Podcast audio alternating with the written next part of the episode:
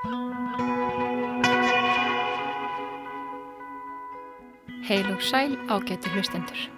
Við sjá helsar meðugudaginn 31. ágúst. Við hljónefnana sitja Halla Harðardóttir og Melgorka Ólafsdóttir.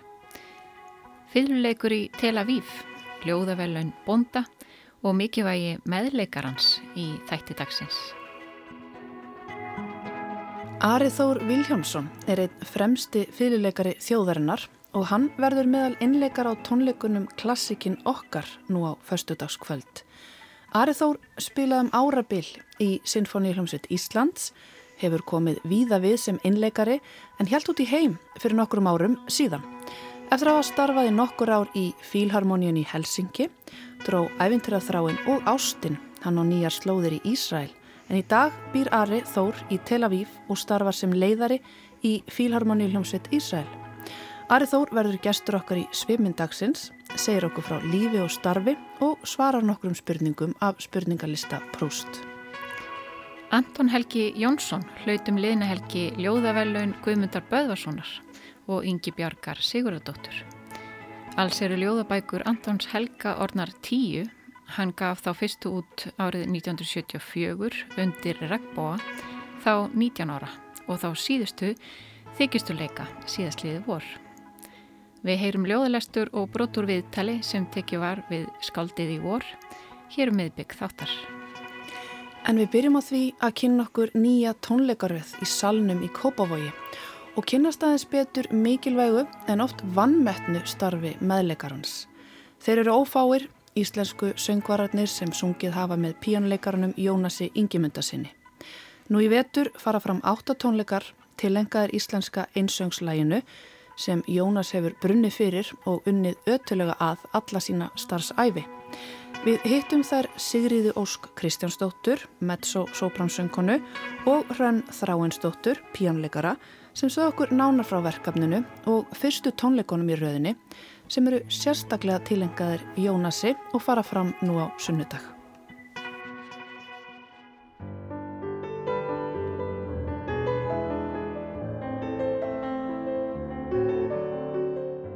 Þær eru sérstaklega hjá mér Hrönn Þráinsdóttir, píjónuleikari og Sigriður Ósk Kristjánsdóttir, söngkona. Íslenska einsöngslægið, ár íslenska einsöngslagsins, Hrönn Þráinsdóttir, þetta er hugafóstur Jónasar Ingimundarssonar. Jú, mikið rétt.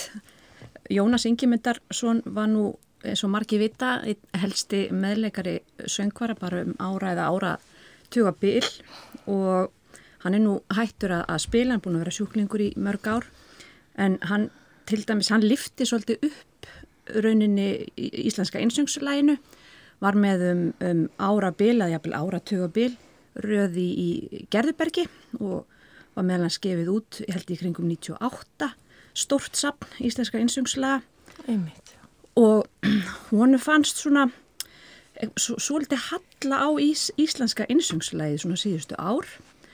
Þannig að hann hafði samband við Margreti Bóastóttur söngmólastjóra þjóðkirkjunar og hún er semst verkefnastjóri þessa verkefnis og þá fóð nú boltin að rulla uh mhm. -huh. og fekk svo nokkra pianista líka í lið með sér.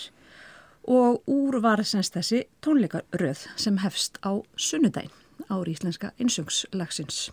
Og þetta eru sem sagt, uh, það eru átta tónleikar núna planaðir í salnum í Kópavogi, fernir fyrir jól og það er búið að festa þá. Og við semst hefjum leika núna sunnudaginn að, með aðeins öðru sniði heldur en hinnir og hinnum tónleikunum eru tveir pianistar og, og fjóri söngvarar. En nú við ætlum pínur svona hvað ég segja heiðra hann Jónas og ég verð sérst ein við flíilinn og eru fimm söngvara með mér og við ætlum að flytja lög engungu eftir Jónas Ingi Myndarsson. Það er ekki allir sem vita að Jónas hefur samið lög og útsett lög. Þekk hann kannski fleiri sem þennan frábara pianista. Drivkraft. Jú, mikið rétt og ég held að hann myndi nú ekki kalla sig tónskált Nei. en hann enga síður gaf út þessa fallegu bók, nótnabók með einsöngslögum árið 2011 mm -hmm. sem heitir Tíu söngvar og tveimur betur mm.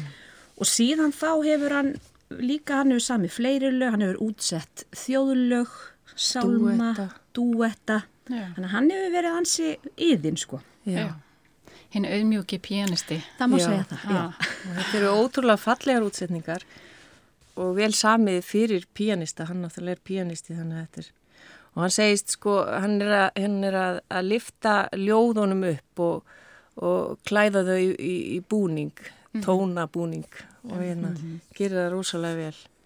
Já, Sigriður Ósk, þú ert ein af þessum fimm söngurum sem verða á sunnudaginn. Hver eru með þér?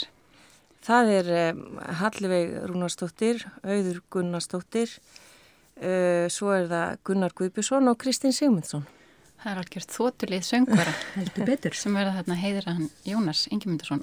Þetta eru svona matiné tónleikar. Já, þeir eru klukkan 13.30 á sunnudaginn og þá getur fólk gert sér dag úr þessu og fara á tónleika og fengi sér svo hressingu eftir eða eitthvað svolítið. Ummitt. En þetta eru í rauninni líka útgáfi tónleikar. Já, við hérna hljóðritum uh, þessi lög hérna 2019 var það ekki? Já. og þetta eru söngara sem hafa allir verið að, einhvern tíman unni þessi lög með Jónasi. Og það hafa svo rosalega margir unni með Jónasi en, en þetta er hópu sem hafa unni þessi lög með honum. Og, og við ákvaðum að, að hljóðrita lögin og hérna en síðan hefur þetta aðeins tafist að því að það, það gerðist stolti það kom þarna COVID-tímabill Einmitt. Ummitt. og hérna hann að þetta tafðist aðeins. Já, allir búin að glemja því. Já. En það kemur sem sagt þá út á Spotify. Já, þetta kemur út á Spotify uh, um leið og tónleikarnir verða. Já. En svona Jónas, hann er svona þekktur meðleikari, nú segir maður það frekar en undirleikari. Já. Jú, jú. Hvað er það sem gerir, svona fyrir þig Sigur Ósk, sem söngkona, hvað er það sem gerir góða meðleikara? Eins og Jónas er frægur fyrir. Já, það er uh, næmni, hann uh, er eins og sko, eins og maður sé ekki að við prófa það, ég myndi að maður sé eins og vera brimbretti í öldunni. Hann heldur manni uppi og liftir manni upp, gerir manni jáfnvel betri en maður held að maður gæti verið. Mm Það veist mér vera góður meðleikari og maður er eins og eitt. Já, Þannig að maður þarf alla að tala heldur bara músíkin einhvern veginn. Töfrarnir koma fram og þetta lifnar allt við. Og hann, hann eh, segir nú oft og, og sagði að hann syngi með á píanónu. Og ég held að það sé nákvæmlega það sem hann gerir. Já, og Hrönn var einmitt nefandi hans og hún er frábæri meðleikari og gerir þetta hérna að, já líka þetta að anda saman, að við erum bara eins og eitt og þá svífur þetta áfram. Mér langar að koma einu að, ég var nú nefndi hans í átta ár. Hann var svona mikill áhrifavaldur í mínu lífi og ég verði að fá að segja eina sögu. Sest, ég fletti þegar ég var í metaskóla og var í námi hjá honum. Þá fekk hann mjög oft til að fletta hjá sér á tónleikum. Og það voru ymsir tónleika með öllum helstu söngunum landsins. Og ég gleym ekki að það voru einir tónleikar, þetta voru ykkur svona galatónleikar í borgarleikúsinu og það var fullur salur í stóra salum og ég kem þarna bakvið og tilbúin að fletta og mér svo minnistætt að það var svo gaman hjá þeim. Það var, var Kristinn Halsson, það var Dittu og fleiri og þau bara hlóu og hlóu, þá voru kannski, já, fimm myndur í tónleika og þau voru bara að segja brandara og, og ég hugsaði með mér, vá, þetta langar mig að gera. Mm. Ekkert stress, bara gaman. ummitt. Var ímyndað sér að svona meðleikari hafi mikið með þetta að segja, kannski ef að, ef að prímadonnar, stjórnurnar eru í einhverju stresskasti fyrir tónleika, að meðleikarinn getur svona hjálpað með hjartengingu. Já, það er einmitt personuleikin og kemistrian skipti mál líka í þessu samstarfi og, Já, absolutt, ekki spurning. já, og þá skapast eitthvað svona öryggi og já, meðleikarinn hefur oft mikið að segja með það. Líka eitthvað kemur upp á það þannig að maður snöggur að breyðast við. Ummitt. Ég segi stundum að ég sem er mastersnám í hoppi. Það er kannski áfreka við um söng nemyndur en maður þarf að vera fljótu til ef eitthvað kemur upp á. Já, Ummitt. Og söngurinn er náttúrulega svo nálægt líka sálinu, það er kannski þess sem að Jónas er svona ástriðufullur fyrir einsöngslæginu íslenska. Já. Þetta Já. er svona íslenska þjóðsálin kannski. já. Og þessi fallegu ljóð, það er bara, að þetta verður mikil hátíða stund á sunnundaginn. Við hvetjum að sjálfsögðu alla til þess að koma. Já. Hlusta á þessu fallegu lög. Við ætlum að heyra eitt lag sem að þið flytið saman, Sigriður Ósk og Hrönn Þráinsdóttir. já. Sigriður, getur sagt okkur eins frá þessu lagi? Ljúflingsljóð er vöggukvæði og þetta er þjóðvísa. Ingun Bjarnadóttir samt í lagið og Jónas útsetti það. Hlýðum á það. Takk fyrir komuna, Sigriður Ósko, Röndráfansdóttir. Takk, Takk fyrir okkur.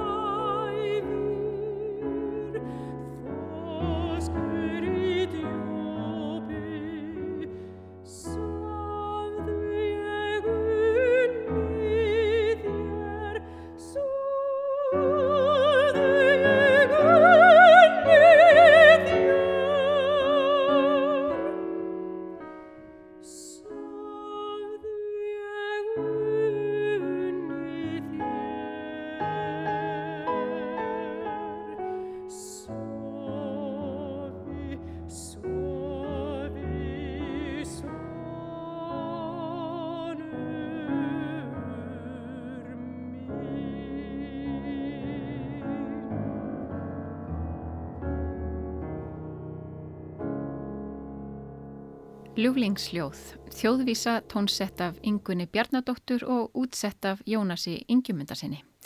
Hér í flutningi þeirra Sigriðar Óskar Kristjánsdóttur, messosópransöngkonu og Hrannar Þráminsdóttur, pjánuleikara, sem verða meðal flytjanda á tónleikunum í Salnum á sunnudag.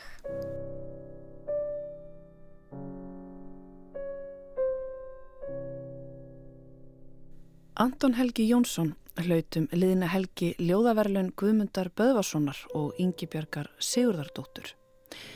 Nýjasta ljóðabók Antons Helga, Þykjustaleikarnir, kom út síðastlið vor en alls eru ljóðabækur skáldsins orðnar tíu að tölu frá því hann gaf sjálfur út sína fyrstu bók undir regnboga árið 1974, þá 19 ára gamal. Í umsögn sjóðsins segir meðal annars að ríkt skópskinn Antons Helga hafi með tímanum fengið ædýpri undirtóna. Hann beiti heimsbyggilegri nálgun á viðfangsefnin sem geta verið afar hverstasleg, jarbundin og líkamleg. Ljóðin afhjúpi hverskins mótsagnir mannlegs lífs, bresti samfélagsins en einnig einstaklingsins. Við skulum heyra Anton Helga lesa ljóðið Línudans úr þykjustuleikonum. Línudansinn Ég les mig áfram geng af stað, það er lína en samt engin lína önnur en aðtekli þín. Með örgum skrefum stíg ég út í tómið, undir mér ekkert örgisnett nema eftir við klátur þinn eða grátur.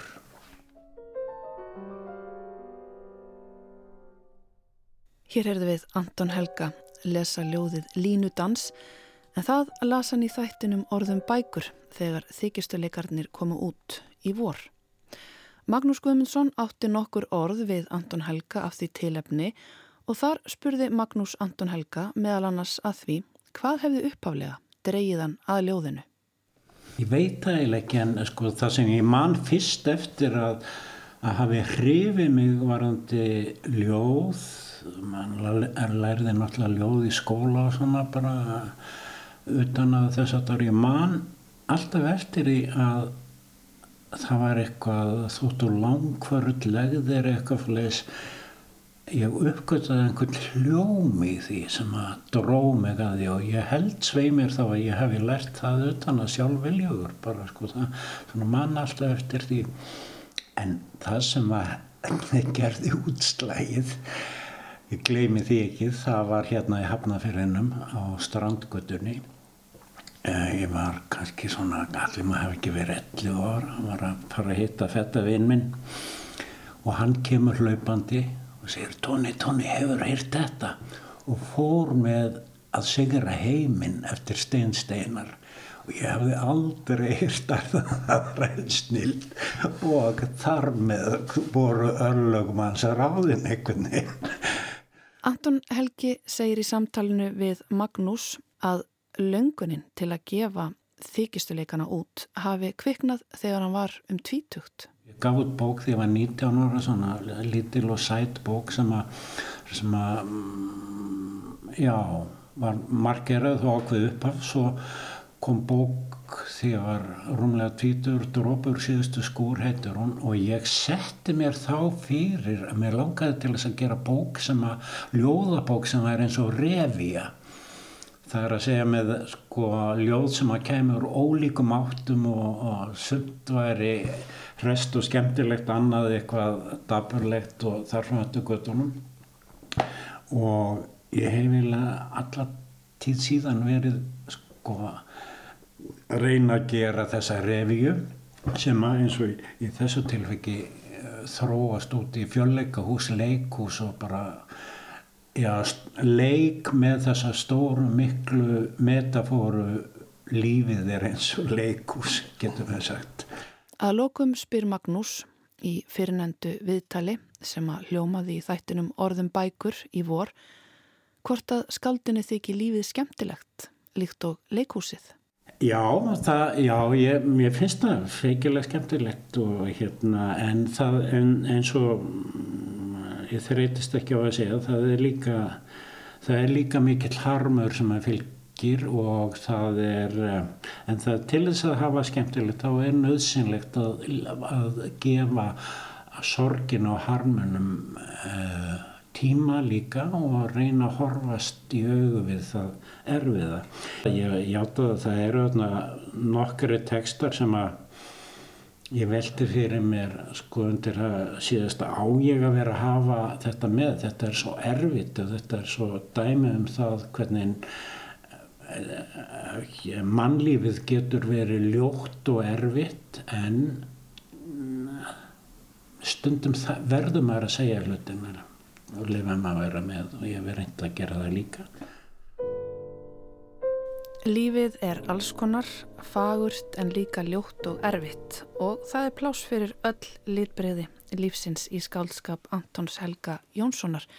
Við óskum honum innilega til hamingi með ljóðaverlun Guðmundar Böðvarssonar og Yngibjörgar Sigurðardóttur sem voru veitt um liðna helgi. En þá er komið að okkar vikulegu svipmynd hér í Vísjá. Ari Þór Viljánsson er meðal fremstu fyrirleikara þjóðurinnar og verður meðal innleikara á tónleikunum Klassikin okkar nú á föstaskvöld.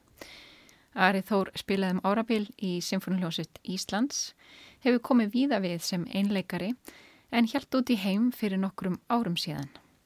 Í dag býr hann í Tel Aviv og starfar þar sem leiðari í Fílharmoníuljósitt Ísrael. Ari Þór komið lög með sér og hér kemur það fyrsta.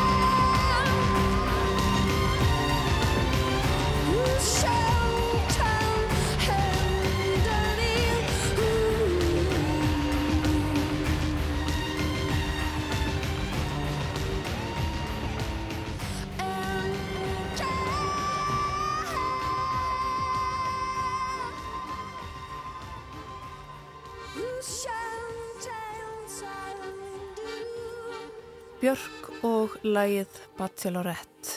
Við Melgorka sittum hérna með góðan gest, Ari Þór Viljámsson. Verður velkomin í Vísjá. Takk fyrir. Af hverju valdur þið þetta lag? Já, Bachelorette eftir með Björk. Um, það var nú þannig að árið 2003 þá fór ég á tónleikverðlag með henni Björk og ég spilaði í strengja óttett á, á tónleikunum hennar. Það var svona átta strengjaleikarar, ég var einn af fjórum fyrirleikurum og þá var ég 22 ára, hérna ungur háskólanemi. Og ég var búin að vera algjör svona klassískur fyrirlunörd bara veist frá því ég var bara 14 ára eða eitthvað og yngri. Og aldrei lustið á þú veist aðra tónlist heldur en klassíska. Og þetta var einlega svona það fyrsta sem ég lustaði á sem var ekki klassík tónlist þegar ég var hérna beðinum að spila á þessum túr og ég, ég, ég veit að vissi hver Björk var en ég, ég hérna, þekkti ekki tónlistinnar og, og fór að lusta á alla diskana og var hvað þetta er flott. Og svo er ég var að spila þetta og svo spila ég spila þetta á okkur kannski 20 tónleikum bara út um, út um all bandaríkin og Japan og Rúsland, veit ekki hvar. Og það var ógislega gaman. Og hérna og þetta var eitt af uppáhaldslögunum mínum sem við spiliðum á þessum túr og hérna og þessi minning lifir lengi með mér. Vá, þetta var sérstaklega yngangur svona út úr hreinrættari klassísku tónlist Já. en mentaskóla árin og þessi tími síðast ekki þar inn, engin árið þar. Nei, ég var eins og ég segi, ég var svo Al, algjör snörd ég hlusta bara á Sinfonjur og Já, vinni mín hló bara alltaf að mér, gera það alltaf En þú byrjar mjög snemma, eða ekki? Svona eins og margir strengjarleikarar að spila Já, ég, ég byrjaði fimm ára gammal mm -hmm. þá, þá voru við nýflutt til bandaríkjana mamma, pappi og ég og hérna þau semst fór í háskólanám. Og byggum þar í, í fimm ár þannig að mín fyrstu fimm ár í skóla voru í bandaríkunum og, og hérna mamma hefur alltaf sagt að ég var svo ofirkur hún þurfti að láta mig gera eitthvað fyrir þann skóla. Og, og hún valdi að ég færi í, í, sagt, í að læra hljóðfæri. Og það var svona Suzuki deild við háskólan þar sem við vorum þetta var í litlum bæ síðust í Illinois fylki. Hérna og, já, og ég er semst já, fyrirlan kannski var helst valna því að hún er svona lítil og meðfærileg. Svona kannski algeng ástöða fyrir því að fyrirlega er valin er miklu stærra og piano er, maður þarf að kaupa piano þannig um, þannig já, ég byrjaði að það var fimm ára. Og uh, það er svona frekar algengur aldur, já, fyrir, hjá fyrirleikur krakkar jafnvel byrjaði að þryggja þryggja ára líka. Mm -hmm. en, Og var þetta bara eins og ástasamband, var þetta bara þitt hljóðfærum leið eða?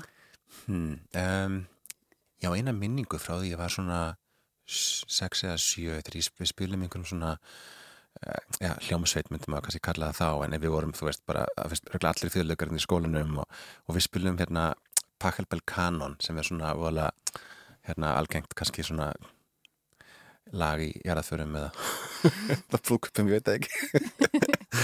En hérna, en ég mann þá spilaði bara, þú veist, öruglega bara einhverja lausa strengi, bara auðvildasta partina því hérna, kunni var alveg neitt. En hérna, þetta var, þetta hafði svona áhrif á mig, ég mann en þá hvaða áhrif að heyra alla spila saman og mm. hvað voru mörg í svona stórum hóp og bara, wow, ég fekk alveg svona svona, svona upplifun, þú veist, svona roll, wow, hvað þetta er merkilegt. En svo svona eins og vil gerast þá þetta nefndi ekki það ef mig þegar ég var lítil skrakki og, og ég mannaði mig upp í ég, sagt, já, ég, ég mannaði mig upp í að segja með mig að ég vildi hætta.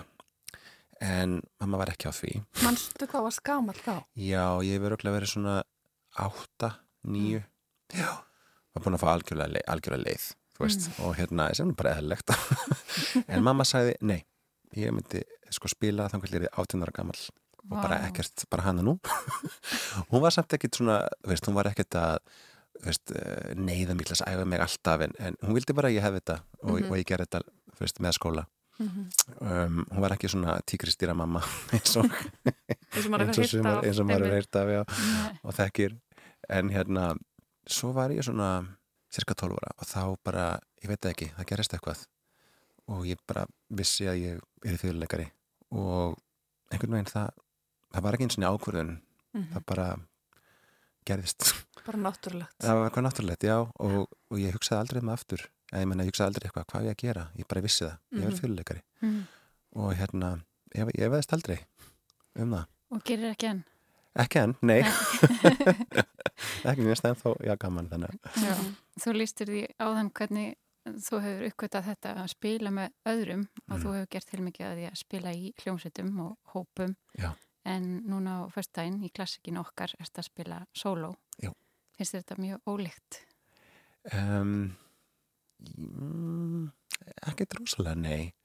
Um, á núna á fyrstæðin þá, þá er ég að spila, já, einlegs hérna, kabla, kabla úr einlegs koncert en ég er auðvitað með heila symfóniljósitt hérna, á sviðinu með mér þannig að við erum eftir að spila þetta saman og ég get, þú veist, ég, ef ég myndi spila partin minn einn, þú veist, það væri mena, það væri ekkert, eða þú veist það, maður þarf hljómsduna til þess að þetta sé verkið og ef hljómsduna myndi spila það án einleikarans líka, það væri einhvern veginn tilgangslaust, þannig að ma maður þarf hvort vekja, maður þarf alla hérna mm -hmm. líka En þú ert samt aðastjarnan. Já, þessu, já, þessu tiltegna, þessu tiltegna atriði, já. já. Og þessi koncert, þú hefur spilað hann áður, þú spilar eitt kabla úr Tchaikovsky fyrirkoncerti. Hefur þú spilað hann áður í heilt sinni? Ég, nei, ég læriði sko hérna tvo kablana þegar ég var í skóla fyrir svona vá, 25, 25 árum. En ég læriði nefnilega aldrei þennan eina kabla, þennan síðasta. Það var alltaf svona að sata á hakunum og ég vissi að einhver tíman verið læriðan kabla en svo var bara, fyrst það er svo morg verk sem maður þarf að læra og, og svo kláraði ég mastersnám og ég var ekki alltaf búin að læra hana og svo bara fer maður að vinna og, og gera bara það sem maður þarf að gera í lífinu og, og þessi kapli var alltaf eftir og svo hafði Sinfonían samband við mig í svona februar, ef ég maður rétt og stungu upp á þessum kapla og ég sagði, oh, ég vildi hefði lært hann fyrir 20 árum en þannig að ég lærði hann núna Já, frábært Við ætlum að heyra næsta lag sem þú komst með til okkar og það er eitthvað mjög ólíkt því sem þú ert að fara að spila mm. á fyrstu daginn. Mm. Við skulum heyra lægið og svo segir okkur frá því okkur þú valdir það.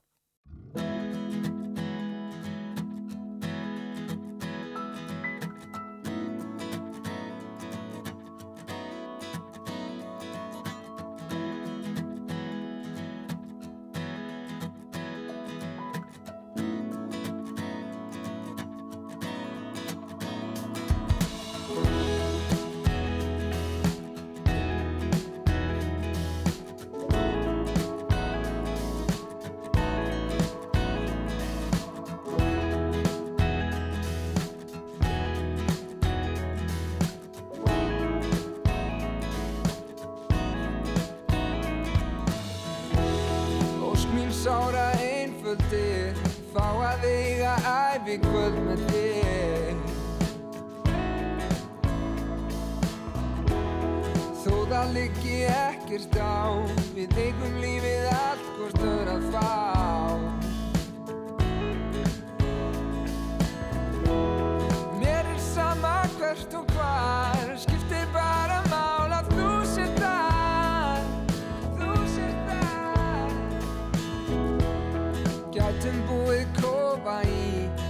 Hér að nyrði höllin okkar því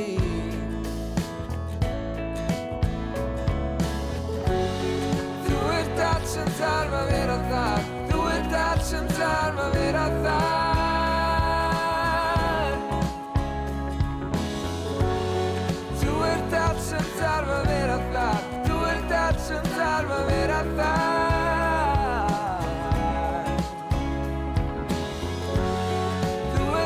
sem þarf að vera þar og ég er komin heim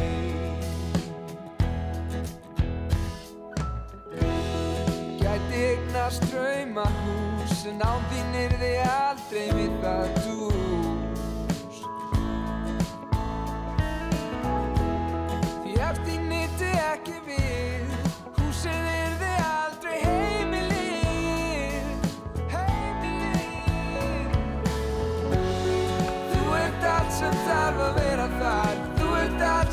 þarf að vera þar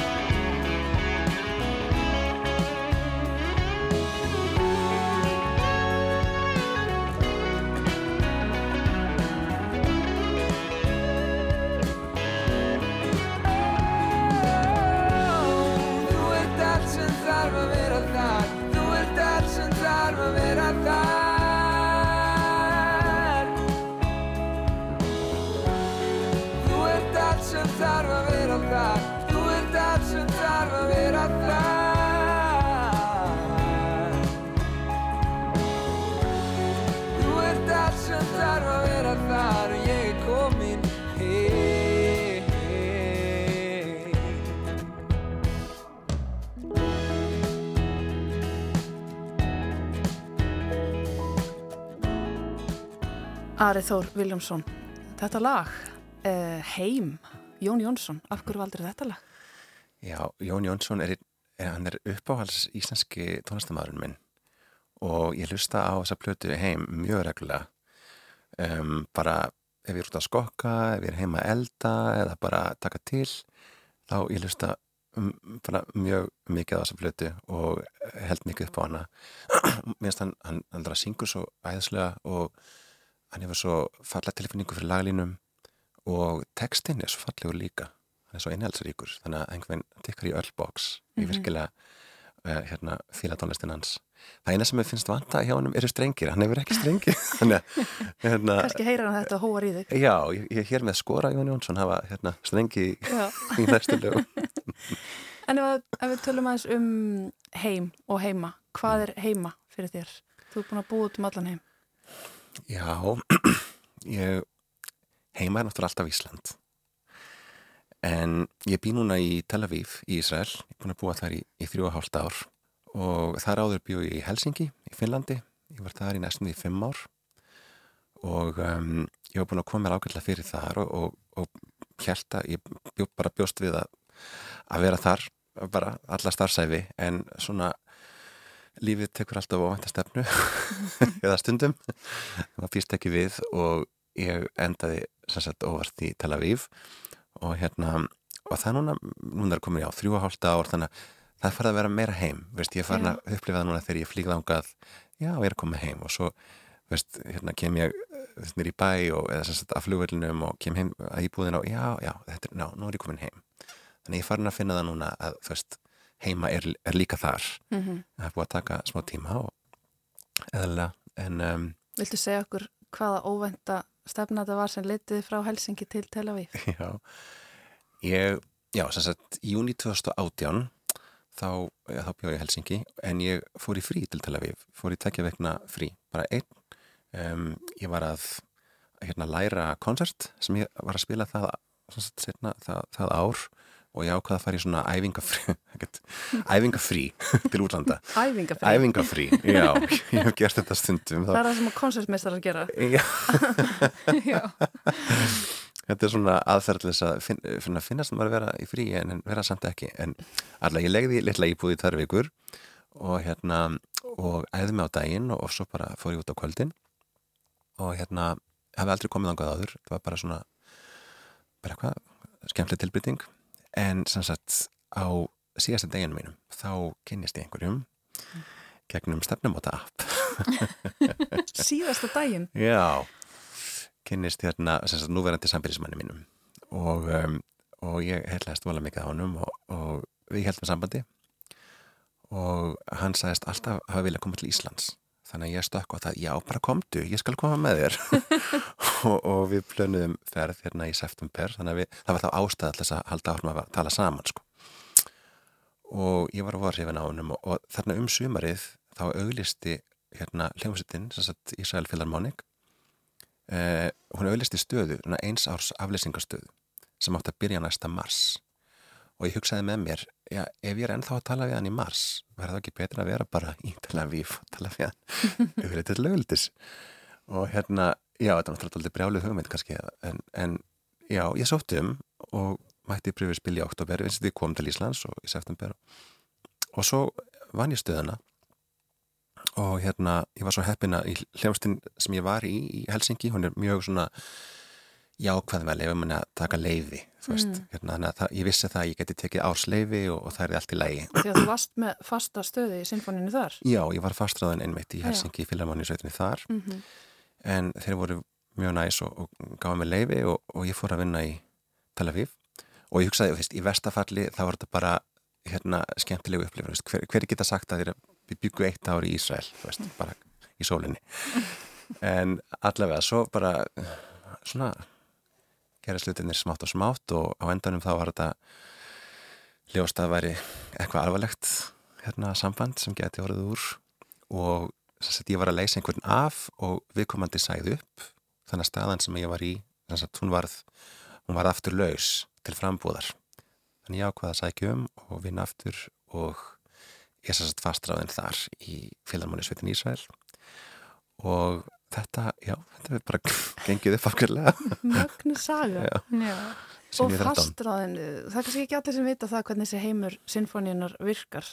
Fastráðning, það þýðir að þú getur verið þannig bara alla starfsæfin já það þýr unni bara ótímabundin samningur þannig að það þarf eitthvað mikið að gerast þess að það verður reygin og vonandi gerist það ekki. En það er mjög sjálfgeft að, að veist, oftast þá bara er fólk uh, fram að já, ef það ákveður að hætta að fara eitthvað annað eða, eða þangar til að fara eftir laun. Mm þannig að, Er þetta ekki, uh, sko þetta líf uh, í, í sinfoníljómsveit, þetta lítur að vera einn stór fjölskylda, er þetta ekki lit, litrikt líf? mjög litrikt, jú. Alveg eins og í stórum fjölsýttum þá líka þú veist, það eru góðarstundir og slæmar Mhm. og fólk hérna elskar hvort annað og líka rífst mikið. Þá var það líka þannig í hljómsveitum. Eins og eflaust á öllum vinnustöðum. Og þetta er náttúrulega stór vinnustæður það eru alltaf hundrað þjóðfæraleikarar starfandi og fólk á skrifstofunni og svo framvegis. Þannig að fólk eru auðvitað alltaf sammála og, og, og auðvitað er líka pólitík og allskins eh, svona bak við tjöldin en, eh, en í heldina þá er þá er hérna þá er mjög góð, jú, svona fjölskyldu stemning og, og, í þeim hljóðastum þar sem ég hef unnið þá hefur verið bara mjög góður andi og fólkið þykir væntum hvort annað og, og það er í hljóðstil minni ég, ég hérna, kann mjög vel við allt samstarfsfólkum mitt. Fólk hefur mjög ólíkan bakgrunn. Það eru er þarna bæði innfættir Ísraelar, það eru margir sem að fluttu frá fyrrum Sovjetiríkunum það eru Amerikanar, það eru fólk frá allskynslöndum og, og hérna fólk hefur rosalega, já, ólíkan bakgrunn en, en saminast þarna í, í því að búa þarna og spila saman og vinna saman og, og það er virkilega skemmtilegt. Þú talar um það áðan að þú hefði vita bara þegar þú varst 12 ára að þetta er þín framtíð að vera innleikari og spila fylgu og þetta er þitt líf en þetta lítur líka að vera átileg pressa þú ert að þroskast og, og spila og læra og þetta er svona stöðut crescendo bara í átt að því að finna stöðu er það ekki? Og svo kannski þetta er mikið pressa Það er, það er um, ofta á tíðu mikil pressa, fyrst því hvað maður er að gera auðvitað. mm -hmm. Um, ég valdi það að, að, að vinna í hljómsveit, það var það sem ég hafði áhuga á.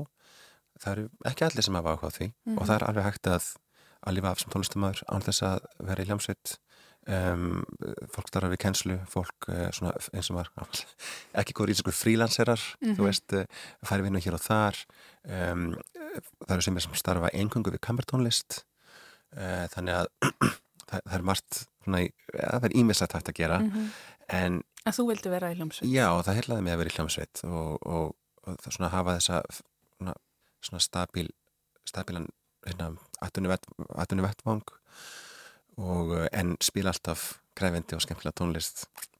En ég vildi alltaf líka hafa eitthvað meira að gera, þú veist, fyrir utan. Þannig ég hef, hef uh, kent mjög mikið. Sérstaklega þegar ég bjó í Íslandi ég kenti mjög mikið hérna í, í uh, mentarskólum í tónlist sem var þá tónlistaskólinni Reykjavík og uh, spilaði mikið, eins mikið við get kamertónlist og einleik þegar, þegar hægt er þannig að mér finnst ég að hafa fundið góðan balans og ég hef verið heppin að fá tækifæri til þess að gera það sem ég vildi mm. þannig að ég er bara mjög þáttu fyrir það Þú ert enda á ferð og flugi í þessum verkefnum, en það ekki?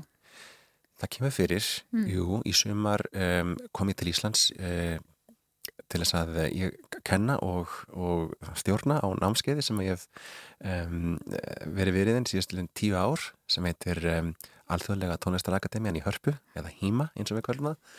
Uh, við stofnum, ég er einn af stofnundum HÍMA uh, sem fór í stað 2013, þetta var þá tíunda árað okkar núna og ég hef komið til Íslands hverju ári síðan að flutti út til þess að bæði kenna á því og ég er framkvæmtastjóri námskeiðsins. Við vorum með 80 nefndur í ár og hátt í 20 kennara þannig að það fer mikil tími í það svona, all, allt árið að skipilegja og undirbúa og hérna og svo koma og, halda námskeiði sem er alltaf eðslega gaman. Um, svo fór ég á, kendi á, á litlu námskeiði í Bandaríkunum í ágúst og spilaði smá hérna, einlegstykki þar líka. Það var, já, það er svona ný, ný híma í bandaríkunum, heitir Híma USA sem að félagi minn Sigur, Sigur Bennarsson stofnaði og uh, núna er ég á Íslandi um, og ég verð hérna á Íslandi allan september ég ætla að spila hérna um, í symfóníunni um, sem gestalegðari og þannig að já, sem sagt, starfsáruð okkar í hérna, Ísrael hefst ekki fyrir enn í oktober Okay. þannig að ég var akkurat laus núna í september og hendaði vel og Já, þú er komin í svona ekki æfingafrí, heldur vinnifrí. smá vinnufrí, já vinnufrí gott að vera heima og það var smá að gera. Við ætlum að heyra eitt ljóðbrot í viðbót og það er á allt öðru tægi aftur, það verður ekki verkið í heilsinni um, og svo að því loknu þá ætlum við að leggja fyrir því nokkrar spurningar á spurningalista Prúst. Ú.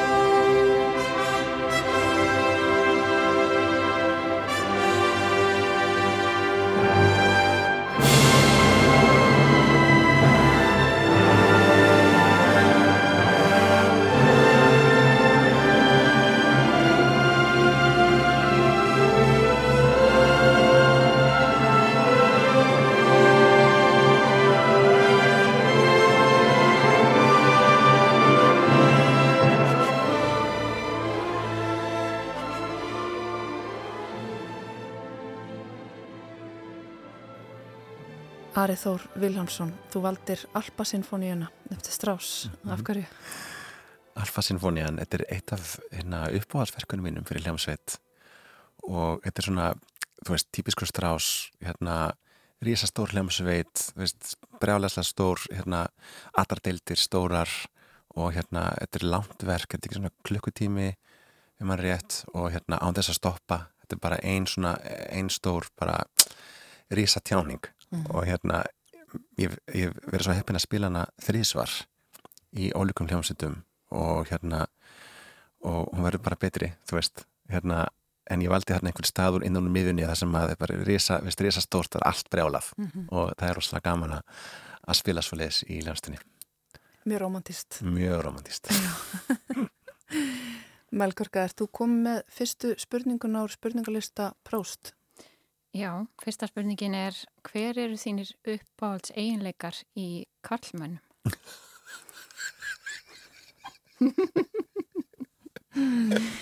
Hvað kanntu mest að meta? Já, hérna Vitið þér þetta er þetta hérna prófíl fyrir Þetta er svona nútíma app. Nei. uppáhalds einleikar hjá, hjá sagt, karlmönnum já, það ég myndi segja tveir, það er sem sagt sjálfsöryggi og, og húmor Mjög gott svar. Við samþykjum þetta. Já, er það ekki? það þarf að hlæja já. ok, ég fæ að velja spurningum með tvö. Hvað er hamingja?